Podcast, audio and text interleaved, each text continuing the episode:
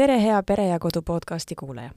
mina olen Katariina Libe ja täna me räägime teemal, millel me oleme varemgi mitmeid kordi rääkinud, aga mis on nii oluline, et ikka jälle võib äh, sellel peatuda. ja selleks on siis noorte ja laste vaimne tervis. ja selleks on mulle külla tulnud, et oma kogemuslugu rääkida, Helen Voogla. tere, Helen! tere! kuidas sul täna läheb, millega sa täna tegeled? praegu läheb väga hästi, asjad muudkui liiguvad äh, ainult positiivsuse suunas. Äh, töötan müügi, müügikonsultandina ja olen Eesti noorte vaimse tervise liikumise vabatahtlik ehk siis käin koolides rääkimas vaimse tervise teemadel, räägin, mis need on, kuidas ära tunda, kuidas aidata ennast ja, ja kui näha, et mõnel sõbral võib mure olla, et kuidas siis teda aidata ja jagan siis ka enda kogemuslugu nii koolides kui muudel üritustel, podcast ides ja näiteks Arvamusfestivalil olen käinud. Mis see noorte vaimse tervise liikumine on? see on MTÜ ja ta koosnebki puhtalt vabatahtlikest liikmetest. Põhimõte on see, et enamus liikmed on kuni kolmekümneaastased, äh, liituda võib igaüks, aga kuni kolmekümneaastastel on siis äh, valimisõigus, äh, juhatusse kandideerimisõigus ja hääletamisõigus, aga panustada võib igaüks ja igaüks saab valida, et mida ta soovib teha, et ongi, et kas siis käia koolides rääkimas, edendada siis huvikaitset, et võidelda siis vaimse tervise teemade eest just poliitik, poliitilisel maastikul või ollagi lihtsalt liige ja olla nagu kambas, tunda ennast hästi, uute inimestega tutvuda, meil on sellised mölateraapiad, et saamegi lihtsalt kord nädalas kokku, noh praegu virtuaalselt siis, ja lihtsalt ajame juttu, et enamasti on ka mingi teema valitud, aga ongi see, et igaüks võib rääkida täpselt seda, mida ta tahab, ta ei pea üldse rääkima, ta võib lihtsalt olla, ollagi lihtsalt äh, seltskonnas ja niisugune mõnus turvaline punt äh, noori. kuidas sa sattusid sinna? Äh, mina sattusin juba päris ammu, neli aastat tagasi, kaks tuhat seitseteist siis ja mulle jäi ühel suitsiiditeemalisel aruteluõhtul Genialistide klubis äh, peaasi.ee äh, kõrva, ei olnud neist varem kuulnud ja läksin siis nende veebilehele ja leidsin, et seal on siis selline kamp noori. Ja esimene üritus, kus ma siis käisin, oligi ametlikult MTÜ-ks registreerimine, et me saime siis peaasjast nagu eraldi ühinguks, aga me oleme siiani nagu nende väike tütar aga miks just noored, miks noored võivad äh, seal ainult kandideerida ja hääletada? Äh, no sest me tahame ikkagi, et need otsused, mis praegu langetatakse, kannaks vilja just nendele noortele, kes praegu on äh, hädas ja tunnevad, et neid ei võeta ikkagi kuulda ja kelle vaimne tervis kannatab hetkeliste olukordade tõttu. et meie väga tugevalt olime ka äh, selleks vundamendiks seal taga, et see laste psühhiaatrilise abi seaduse muudatus jõustuks. et me mm., me olime koos VATEK-iga, olime seal tugevas pundis koos. mina nägin sind esinemas vaimse tervise messil, kuidas sa sinna sattusid? Ott Oja, kes oli siis meie esimees, kas kaks või kolm aastat tagasi, kirjutas mulle ja pakkus seda lihtsalt ja, ja ma mõtlesin, et, et issand appi, kui õudne appi, ma kardan, et see on ikka päris suur niisugune noh, laialdase haara, haaranguga üritus, aga kõik, mis hirmutab, siis ma mõtlengi, et, aga ütleme jah ja kardame pärast. kas see oli positiivne kogemus siis lõpuks? väga, üldse ei kahetse. kas selle liikumisega seoses oled sa tundnud ka, et äh, sina või siis kogu teie liikumine on reaalselt saanud kedagi aidata? jah meil on päris mitmeid noori, kelle me oleme nii-öelda koolidest noh, oma õla alla korjanud, et on tuldud lihtsalt ja öeldud, et ma olen tahtnud endalt elu võtta, aga ei ole julgenud. ja seda ütleb sulle umbes nagu kolmeteist-neljateistaastane noor otse silma. et need on väga rasked vestlused, mis meil on olnud, aga me oleme äh, me oleme noh, tõesti näinud seda muutust, me teame, meil on mõned noored, kes on tänu meie abile saanud lõpuks abi, et nad on julgenud kas oma vanematega rääkida või me oleme su suutnud neile ise otsida mingid abiallikad, kui vanemad ei ole olnud äh, selleks to toepunktiks. ja, ja see on täpselt see, mille pärast me seda teeme. kas teid kutsuvad kooli tavaliselt äh, õpetajad, kooli juhtkond või lapsevanemad, lapsed? Äh, on olnud kõike, et on olnud nii õpilasesinduse poolt soovi avaldatud, näiteks et teeksime õpetajatele konkreetselt loengu või noh, töötoa siis. On olnud ka konkreetselt õpetajaid, kes teavad, et nende klassis on enesevigastamise probleem, et, et suhted on kuidagi keeruliseks läinud klassisiseselt, on kiusamist ja on siis meie poole pöördutud ja on ka lihtsalt kooli juhtkonda, kes on olnud väga avatud suhtumisega ja huvitatud vaimse tervise teemadest. sina ise oled kogenud koolikiusa, eks? jah.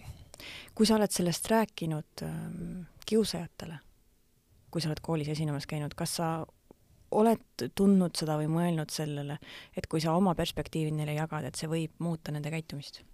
ma tahaks loota, aga kahjuks on nii, et noh, selles eas enamasti sa ikkagi ei mõtle oma tegude tagajärgedele, sa ei mõista neid veel nii hästi. ja kõige hiljutisem oligi, ma käisin siin ühes Tallinna koolis, see oli vist nüüd vähem kui kuu aega tagasi, oli teada, et seal on väga suur kiusamisprobleem, eriti just küberkiusa, küberkiusuga.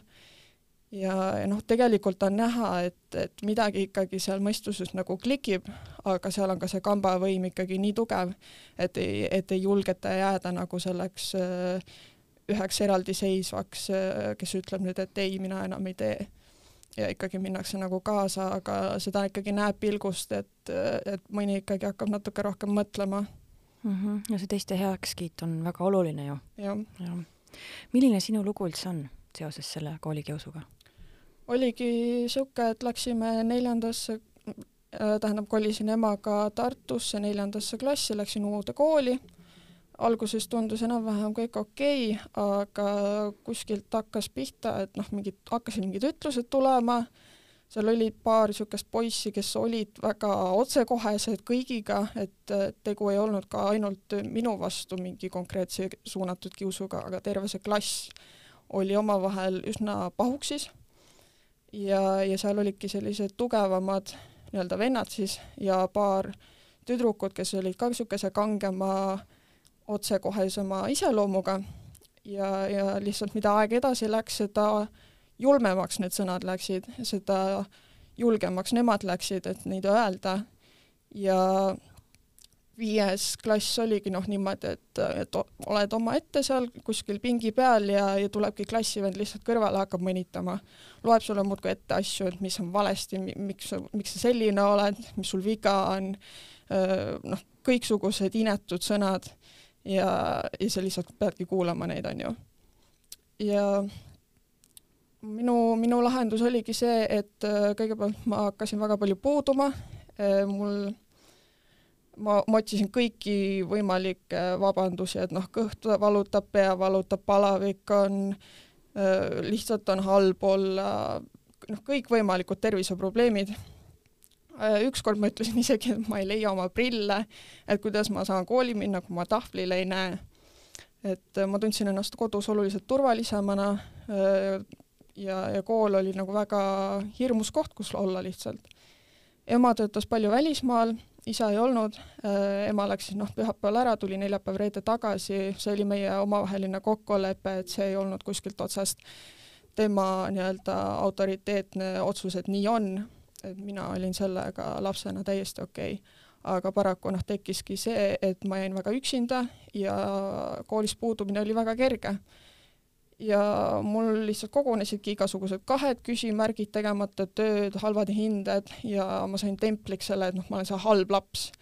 ja, ja kui klassijuhataja poole pöördusime, siis ka, et noh, kuna mul oli see tempel küljes, et ma olen halb laps, eh, siis väga ei võetud kuula-, nagu mind ei kuulatud väga ja klassijuhataja ütleski, et, et ju ma siis ise teen midagi, et ju siis mina õrritan teisi kuidagi ülesse ja vahepeal oligi see, et ma hakkasin ise ka vastu kiusama, sellepärast et ma mõtlesin, et äkki sellisel juhul jäetakse mind rahule. aga see kestiski mõnda aega ja, ja oli näha, et tegelikult asi ei muutunud, et ma lihtsalt muutusin teistesuguseks, aga minu suhtes käitumist ei muudetud. ja ma lihtsalt isoleerisin täielikult ennast ja see oli siis, kui ma olin kolmteist ma ei tahtnud mitte kellegagi suhelda, ma ei tahtnud mitte ühtegi inimest näha, ma olin täiesti endasse tõmbunud, noh, ma ei rääkinud lihtsalt mitte kellegagi väga. koolis ei käinud, äh, hinded olid puudulikud ja oligi lihtsalt väga keeruline olukord, kus, kus olla kolmeteistaastasena. ja, ja noh, ema, ema nägi, et midagi on ikkagi väga valesti ja see asi ei saa niimoodi jätkuda. Ja tegime otsuse, et ma siis vahetan kooli ja läksin siis seitsmendasse klassi uude kooli ja kuues klass sai lõpetatud viie kahega ja kolmeteistkümne kolmega. ja see suvi, mis oli siis enne seitsmendat klassi, see oli siis see hetk, kus kogu see trauma niimoodi nagu sisse vajus. et ennem ma käisin noh, küll ringi ja, ja ma, ma teadsin, et nagu mul on halb olla kogu aeg lihtsalt, et, et väga üksildane on olla, aga too suvi see lihtsalt nagu surus mind vastu maad, et ma ei, ma ei käinud voodist enam väljas, ma olin terve suvi läbi kodus voodis teki all, ma vaatasin lihtsalt hästi palju filme, sõin lihtsalt mingit rämpstoitu ja sõpru mul ei olnudki ja ma olingi lihtsalt iseendaga ja elutahe hakkas ka kaduma. Mul ei olnud mitte mingit soovi, tahet kellegagi suhelda, sest ma kartsin inimesi, mul ei olnud kellegagi suhelda ja ma tundsingi ennast nii üksinda, et ma mõtlesin, miks ma üldse elan siis. Äh, ja siis oligi hetk, kus mul ei olnud kedagi, kes oleks mulle öelnud, et ära tee nii, siis ma hakkasingi ennast vigastama. et see hetk oli nii üksildane ja ja siis läkski asi enesevigastamise peale üle, sellepärast et äh, lihtsalt ma ei tulnud enda emotsioonidega enam toime, see valu oli läinud ühel hetkel nii kõrgeks, et see läks üle selle läve, kus ma ei tundnud enam lihtsalt enam mitte midagi. et alguses on hästi suur valu ja siis ei ole enam mitte midagi, rõõmu, kurbust, viha, kadedust, mitte midagi. ja seitsmendasse klassi saigi mindud siis noh, uute heade lootustega kindlasti aga enesevigastamine jätkus ja ja mu uued klassikaaslased olid väga toredad, nad võtsid mu väga hästi vastu, aga mul lihtsalt ei olnud neid sotsiaalseid oskusi, et kuidagi sinna gruppidesse saada, et kuidagi niimoodi sõpru saada või sõpradega suhelda. Ja ma olin ikkagi kuidagi sealt noh, ma ei olnud seal sees, ma olin kuidagi nemad ja mina. Ja see toimis sellel määral, et ma ei tundnud, et mind kiusatakse, aga koolis käimine oli endiselt väga raske, sest seal oli kogu aeg nii palju lärmi, seal oli nii palju sagimist ja mul oli lihtsalt kogu aeg seal halb olla ja ühel hetkel ma hakkasingi jälle puuduma ja hinded jälle langesid ja ma sain jälle selle paha lapse märgi külge, et miks ma ei tee oma kodutöid, miks ma ei käi koolis et Helen, sul on ju nii palju potentsiaali, et miks sa ei kasuta seda, et ometigi, kui ma tööd ära tegin, ma sain head hinded. et kui ma vähegi sain mingid asjad tehtud, siis, siis need olid hästi tehtud. aga nende tegemine käis lihtsalt üle jõu, sest elutahet ei olnud, sõpru ei olnud, emotsioonid ma sain väljendatud ainult enesevigastamise läbi. Ja see lihtsalt ei, ei, mis, mitte miski ei toiminud. Ja kaheksandas klassis oli siis asi nii hull, et ma tundsin, et ma võin lihtsalt iga hetk endalt elu võtta, et ma lihtsalt, ma tundsin, et see kontroll minu sees on kuskile ära kadunud.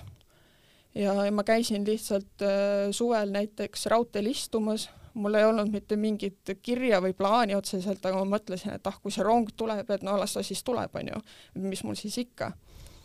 Õnneks seda rongi ei tulnud ja ma olen siin aga see kõik hirmutas mind väga ja ma kirjutasin emale emaili, kus ma siis selgitasin, mis päriselt toimub, et äh, kui hull see asi ikkagi on, sest ta teadis, et midagi on valesti, aga ega tema ka ei osanud täpselt midagi teha, sest äh, mina ka ei rääkinud väga midagi, tema ei osanud küsida midagi. ma olin välja otsinud konkreetse lastepsühhiaatri, kes tundus positiivne, äh, positiivse tagasisidega, et teised olid talle väga hästi temast väga hästi kirjutanud kuskil foorumis.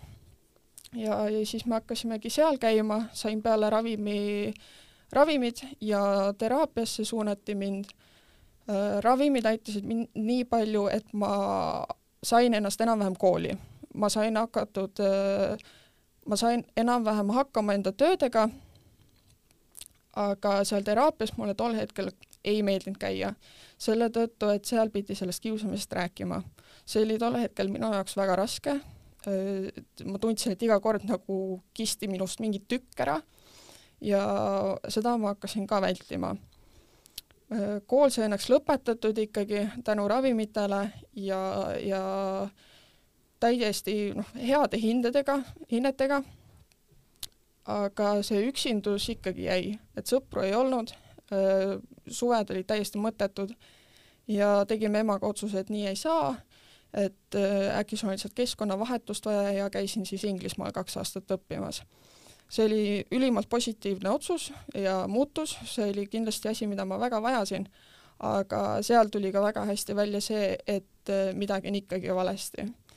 et seal oli kõik täiesti ideaalne, keskkond oli hea, inimesed olid vastuvõtlikud, inimesed olid sõbralikud, aga miski oli midagi ikkagi kuskil minus oli katki. Sest äh, koolis käimine muutus jälle raskeks, kuigi ained olid huvitavad, õpetajad olid toredad, õpetajad tõsiselt muretsesid selle pärast, kas sa saad asjadest üldse aru, rääkimata sellest, et kui nad näevad, et sul on halb olla, nad tulevadki, küsivad, kuidas nad aidata saavad. ja ja mul olid väga head äh, lähedased inimesed seal ümber, aga kuidagi ikkagi ma vajusin mingi prao läbi kuhugi auku. Sai see vaevu-vaevu lõpetatud, tulin Eesti tagasi ja ma tegin otsuse, et niimoodi ei saa see asi jätkuda, ma lähen teraapiasse tagasi. otsisin üles sellesama psühholoogi, kelle juures ma käisin, äh, tegu oli väga väga positiivse ja väga noh, minule sobiva psühholoogiga tegelikult, lihtsalt tol ajal, paar aastat tagasi, ma ei olnud selleks valmis. Käisin seal siis kuskil pool aastat ja rääkisime absoluutselt noh, kõik, kõik, kõik läbi lapsepõlvest kuni selle koolikiusamiseni ja sealt veel edasi. ja see oli kuidagi see, mis aitas mul sellest kõigest distantsi luua. et see, see on jah, mingi osa, mis minuga, minu elus oli, mis minuga juhtus aga see ei pea mind mõjutama praegu, nüüd ja kohe. et las ta olla seal, kus ta oli, see on läbi töödeldud ja ma saan sellest rääkida. Ja siis äh, jõudsingi Eesti Noorte Vaimse Tervise liikumisse ja jagan nüüd oma lugu mm. -hmm. nii et nüüd sa tunned, et sa oled nagu vist on keeruline öelda, et täielikult üle saanud, aga sa oled vähemalt nagu distantsi saanud sellega, jah? just mm. -hmm. no siin oli mitu asja, mida sa mainisid, mida tahaks uuesti küsida, et Inglismaal, kas oli, kas sa käisid keskkooli ka Inglismaal? Äh, jah, seal on nagu kolledži süsteem, sa saad kolm kuni neli ainet ise valida, mida sa õpid, et äh, sa ei pea tegema kõiki neid äh, aineid, mis tol hetkel nii-öelda noh, ütleme siis tolles vanuses huvi ei paku, eks, aga sa saad juba nagu enam-vähem valida, mis, mis ained, mis teemad sind kõige rohkem huvitavad ja sa saad pühendada ennast ainult sellele kolme-neljale ainele mm. -hmm. kui sa said ravimid, kas sa said diagnoosi ka? jah, ma sain depressiooni diagnoosi ja tol hetkel äh, siis veel ei osatud panna mulle äh, stre- äh,, traumajärgse stressihäire diagnoosi, aga see tuli siis alles paar aastat hiljem järgi, et see oli siis see põhjus, miks oli koolikeskkond minu jaoks nii raske, oligi see, et mul oli trauma konkreetselt trauma tekkinud sellest ja see keskkond oligi minu jaoks ohtlik, see, see nagu ärgitas kogu minu äh, keha häiresüsteemi üles ja, ja mul oli seal väga ohtlik ja raske olla.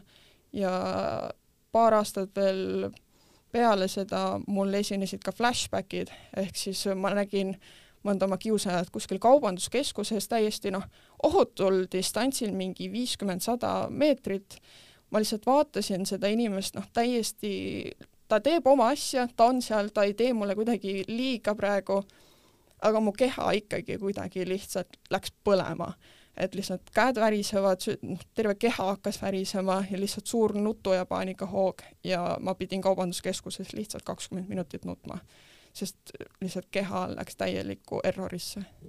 enam sul ei juhtu seda? hetkel mitte mm. -hmm. kas sa tunned, et sa oled depressioonist nüüd välja saanud?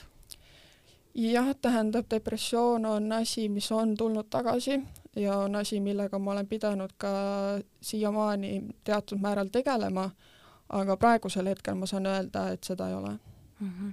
ma tahtsin selle enesevigastamise kohta veel küsida. et eks äh, ikka vanemaid huvitab see, et miks lapsed seda teevad või noored, et kuidas nad selleni jõuavad, et kas sa ütled, et see, et sa muidu olid nii tuim, et see oli nagu ainuke võimalus midagi tunda või? Jah, tähendab, minu jaoks oli teha väga mitu erinevat asja ja seda, see on ka kindlasti kõigil väga individuaalne, väga erinev, aga minul esimene põhjus oligi see, et äh, lihtsalt ma olin liiga tuim ja mul oli vaja mingit valu, mul oli vaja mingit viisi, et oma emotsioonid kuskile välja saada. teisiti oli hetki, kus lihtsalt tundeid on liiga palju ja valu on liiga palju, et siis on vaja saada mõtted sellelt emotsionaalselt valult üle füüsilisele valule. Et see nagu on niisugune väga nõme trikk, mida ajuga teha Äh, sest aju ei saa ise aru, et äh, sina teed seda endale, vaid ta, ta reageerib samamoodi, nagu kui sa lööksid oma jala vastu lauda ära. et ta saadab need nii-öelda parandavad kemikaalid siis. ja kolmas põhjus, mis, mis oli siis eriti just seitsmendas klassis aktuaalne, oligi see, et ma ei osanud kellelegi öelda, et mul on abi vaja. Ja ma mäletan matemaatikaklassis mul nagu noh, kogemata varrukas niimoodi läks natuke liiga kõrgele, ma lootsin, et mõni klassiõde või keegi näeb küsib midagi, oskab midagi, noh, tuge pakkuda või midagi, sest ise ma ei osanud ega ei julgenud seda küsida. et äh, ta võib kindlasti olla ka mingi abi otsimis äh, äh, nii-öelda viis, sest lihtsalt ei osatagi öelda sõnadega, et palun, ma vajan abi, vaid üritatakse lihtsalt näidata seda mm. -hmm. mida sa ütleksid vanemale, kes avastab, et tema laps siis tegeleb enesevigastamisega? kindlasti ei tohiks las-, lapsele mingit äh, loengut hakata lugema, et äh, ja kuidagi teda küsimustega pommitama, et, et miks sa teed nii või või et äh, issand, kui õudne, et kindlasti ei tohiks mingeid kommentaare teha, vaid lihtsalt tuleks võtta asja väga rahulikult ja lapsele öelda, et ta on väga oluline ja te ikkagi armastate teda, et ta ei tunneks ennast kuidagi ähm, tõrjutuna teie poolt, sellepärast kuidas tema on üritanud toime tulla. Ja, ja kindlasti äh, küsida lapselt, et, et mis on see põhjus äh, ja niimoodi rahulikult, et äh, miks sa tunned, et see on praegu äh, sinu jaoks vajalik tegevus või kuidas see on aidanud sul praegu siis toime tulla, et mil-, mille tõttu, et üritaks selle probleemi põhjuseni just jõuda. ja kindlasti tuleks edasi otsida professionaalset abi mm. -hmm. et sina tunned, et sina said professionaalsest abist abi? jah, kindlasti mm. -hmm. mida sa üldse soovitad vanematele, kes äh, näevad, et äh, nende laps võib-olla on tõrjutud või, või lausa kiusatud? No kahjuks on niimoodi, et kui ikkagi klassijuhataja ja teised lapsevanemad ei võta siinkohal teid kuulda, et ma olen seda kogenud, et noh, kindlasti on see asi, esimene asi, mida peaks proovima, on ikkagi klassijuhataja teiste lapsevanematega suhelda, aga kui need ei toimi, siis lihtsalt olla selle lapse jaoks olemas, et isegi see ei tähenda, et te olete füüsiliselt kogu aeg teie, tema kõrval, aga see armastus, temaga koos aja veetmine, lihtsalt rääkimine, suhtlemine, see täiesti suvalistel teemadel olla, et ei pea kogu suhtlus ei pea siis olema selle ümber, mis koolis toimub või kuidas lapsel praegu olla on, vaid lihtsalt lapsega noh, olla koos laps ja lapsevanem et käiagi ka kinodes koos või, või kus iganes, on ju, et noh, mis lapsele teha meeldib. et äh, minu ema jah, füüsiliselt väga tihti oli tööl, aga mul ei olnud kunagi seda tunnet, et mul ei ole ema olemas või, või et ma ei saa temaga rääkida, et alati oli mingi mure. ma teadsin, et ma saan temaga ikkagi rääkida. ja et ta kunagi ei hakanud mingit loengut pidama, vaid ta lihtsalt korrutaski mulle, et te me tegeleme sellega koos ja me leiame mingi lahenduse. et ta jättiski väga kindla usaldustunde mulle, et, et ma ei ole üksi ja ma ei tegele selle teemaga üksinda mm. -hmm. no sellest üksist ma hakkan kinni, et ka seal vaimse tervise messil sa rääkisid üksildusest mm. -hmm. kuidas sa täna tunned, kas sa oled ikka üksildane? ei, see on uskumatu asi, mida nagu üldse öelda saab äh, minu jaoks sest vanasti oli tõesti niimoodi, et mul oli raske olla, mul oli vaja lihtsalt kedagi enda kõrvale ja ma lihtsalt scroll in selles Facebookis ja ma vaatan oma sõprade listi ja mul ei ole mitte kedagi, kellele kirjutada. mul ei ole ühtegi niisugust lähedast inimest, kellele, keda ma saaks usaldada. aga nüüd on neid mitu, et ma saan konkreetselt isegi valida, et ma tean, millist sõpru mul, sõpra mul hetkel vaja on ja see on täiesti noh, asi, mida ma oleks suutnud elu sees ette kujutada. Ja kuidas sa jõudsid sinna, kuidas sa leidsid need sõbrad?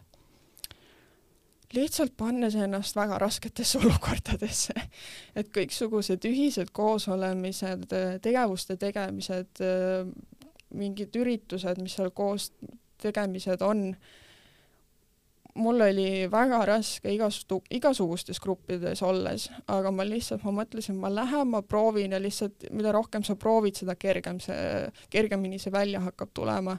Et alguses ma olingi lihtsalt kuskil toanurgas, eraldi vaatasin kõiki kogu aeg ke, kellegagi nagu ise suhtlema ei hakanud nüüd mul ei ole nagu kuskil täiesti noh, Erasmuse projektides, kus on välismaalt täiesti võõrad inimesed koos, mul ei ole mingit probleemi minna täiesti võhivõõra välismaalase juurde ja temaga vestlust alustada. ja ega sellest on välja kujun-, kujunenud isegi rahvusvaheliselt head lähedased sõprussuhted mm. -hmm. nii et see suhtlemine ja sõprade otsimine ja leidmine on miski, mis alguses oli sulle raske, aga sa nagu õpetasid endale selle selgeks jah, põhimõtteliselt mm. -hmm. et see on see nagu pea ees vette hüppamine ikkagi? jah. sa rääkisid, et sa nägid äh, seal kaubamajas oma neid kiusajaid ja sul hakkas halb, aga kuidas sa täna sellele mõtled, kas sa oled neile andeks andnud? ma arvan, et mitte. selle tõttu just, et nad ei ole ka ise omaks võtnud oma tegusid. et äh, mina olen konkreetselt äh, kirjutanud ja, ja rääkinud äh, äh, ühe klassiõega, kellega mul oli väga suuri konflikte seal klassis ja me rääkisime asjad selgeks ja mina vabandasin endalt poolt, võtsin kõik omaks, mis ma talle ütlesin, tema samamoodi. Ja, ja kui ma näen, et teised ei ole nagu valmis või nad isegi ei ole teadlikud, et nad peaksid midagi sellist tegema, siis mina ei näe põhjust, et miks, miks mul peaks olema põhjust neile andestada, et nad peaksid ikkagi omaks võtma selle, mis, mis on tehtud mm. -hmm. aga kas sa mingis mõttes mõistad neid? kindlasti mingil moe, moel, et äh, ma ju isegi kiusasin seal klassis vastu ja sellel olid omakorda mingid põhjused, aga ongi see täiskasvanuna, sa peaksid ikkagi nüüd juba natuke midagi mõikama hakkama, et, et äkki see, mida ma siis tegin, ei olnud õige, et see, jah, tol hetkel see oli ainus viis, kuidas ma oskasin toime tulla ja see, see oli vale ja seda, sellekski, sellest peakski täiskasvanuna aru saama mm. -hmm. kui meid kuulab keegi, kes siin kohapeal tunneb ennast ära ja tal on südametunnistus natukene must, et ta võib-olla käitus mõne oma klassikaaslase suhtes mitte nii hästi, siis, siis mida sa talle soovitad? minu poolest lihtsalt otse ja ausalt kirjutada näiteks Facebooki Messengeri, see oli see, mida mina tegin. see inimene võib-olla ei vasta teile, ta võib-olla jätabki teid lihtsalt reedi peale aga see võib mõnele inimesele tähendada rohkem, kui te elu sees nagu ettegi arvata oskaksite. ja ma arvan, et see on väga oluline asi, mida peaks iga inimene tegema mm. -hmm. ma arvan, et kindlasti siinkohal paljud mõtlevad, et mis ma teda torkima lähen ja mis ma tuletan talle seda vana halba asja meelde. noh, kindlasti, võib-olla mõne inimese jaoks ei olegi jällegi üldse oluline, eks ole, aga ma ütleks, et see kasu, mis sealt võib välja kujuneda, on ikkagi suurem kui see, et sealt ei tule mitte midagi. et äh, võib-olla see inimene vastabki lihtsalt okei okay,, aga võib-olla jällegi teine inimene võib öelda, et aitäh, et ma väga-väga vajasin seda ja ma arvan, et seda otsust ei tohiks teise inimese eest ise ära teha mm. -hmm. no kiusajatest rohkem on kindlasti neid pealtvaatajaid, kes omamoodi on ju ka selles mõttes kiusajad, et kui nad ei sekkunud et kindlasti väga paljudest meie mm, klassidest kunagi selliseid asju juhtus ja, ja samamoodi ei sekkutud. kas sulle tundub, et need pealtvaatajad, kes seda nagu sellelt, sellel viisil läbi elasid, võiksid samamoodi nende kiusatutega ühendust võtta? vot siinkohal ma jään vastuse võlgu, sest sellest punktist ma ei ole kunagi niimoodi mõelnud. et noh, sealt klassis, seal klassis ma nägin ju ise ka samamoodi pealt, kuidas teisi kiusati. siiamaani on väga selgelt mälupildis, kuidas vastaspingil siis äh, need äh, põhikiusajad lihtsalt nagu lükkasid teist poissi kogu aeg pingilt maha, kuni teine nuttis. ja, ja see oli noh, kahe meetri kaugusel minust. aga kui sa oledki tõesti mingi kaksteist, kolmteist, siis sa ei oska reageerida sellisel hetkel ja noh ma arvan, et kui ükskõik kellel sellised teemad on kunagi minevikus olnud, ma soovitaks lihtsalt ka psühholoogiga need läbi rääkida, et ma arvan, et see aitab kindlasti ka leida mingeid muid perspektiive, millele ise ei osanud varem võib-olla mõelda või, või aitabki mingit muud rahu leida mm. -hmm. sa ütlesid, sa rääkisid alguses sellest, kuidas su ema ja sina, te üritasite siis klassijuhatajaga rääkida aga sealt ei tulnud nagu midagi ja klassijuhataja ütles, et sa ise oled nii-öelda paha laps ja küllap sa siis ise kuidagi algatasid seda tüli. mis tundega sa sellele klassijuhatajale tagasi vaatad, et tema ju ometigi pidi olema täiskas- või oli täiskasvanu siis ja oleks pidanud oskama midagi teha? ma ütleks, et ma väga palju ei mõtle tema peale ma üritan olla üsna ükskõikne, sellepärast et ma tean, et äh, see on olukord, mille üle mul hetkel enam mingit võimust ei ole ja ma lihtsalt tegelen pigem selle nii-öelda äh, väikese Heleni, äh, kes on siis minu sees, tema parandamisele ja tema heaolule, et see, mis oli, see lihtsalt jah, see täiskasvanu oleks pidanud sealjuures aitama, aga paraku ta seda ei teinud ja ma pean hetkel tegelema enda heaoluga praeguses olevikus. No lõpetuseks ma küsiks, et kuidas ennetada koolikiusu? olge oma lastega lihtsalt väga avatud, et äh, ongi, kui lapsed tunnevad, et nende selja taga kogu aeg tehakse midagi või, või et äh, noh, lapsed tajuvad, kui te ei usalda neid, kui te ei suhtle nendega avatult, kui kui peres on mingid probleemid, et laps lihtsalt otsib mingit muud väljendusviisi sellisel juhul ja laps tahab lihtsalt olla hoolitsetud, armas-, armastatud ja ta tahab, et ta oleks turvaline. kui tal ei ole kodus seda turvalisust, siis lihtsalt ta lähebki kooli tekitama sellist keskkonda, mida ta on kodus õppinud mm. -hmm. nii et kodus kiusatutest saavad koolis kiusajad? enamasti kahjuks on nii mm. -hmm. ja kuidas hoida noorte vaimset tervist? oi no see on nüüd väga lai küsimus.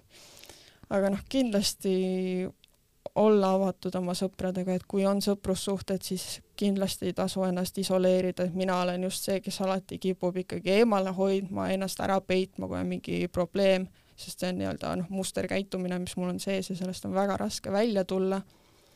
aga ongi, kui te tunnete, et teil on ikkagi raske olla, et siis kirjutage kas või kõige noh, kättesaadavamale inimesele, kes teil vähegi elus on ja, ja jagage seda muret, et kui see mure muudkui kasvab teie sees, siis see lihtsalt muutub nii raskeks, et ei suuda seda ise kanda enam. ja, ja otsige kindlasti abi, kui te näete, et midagi on valesti.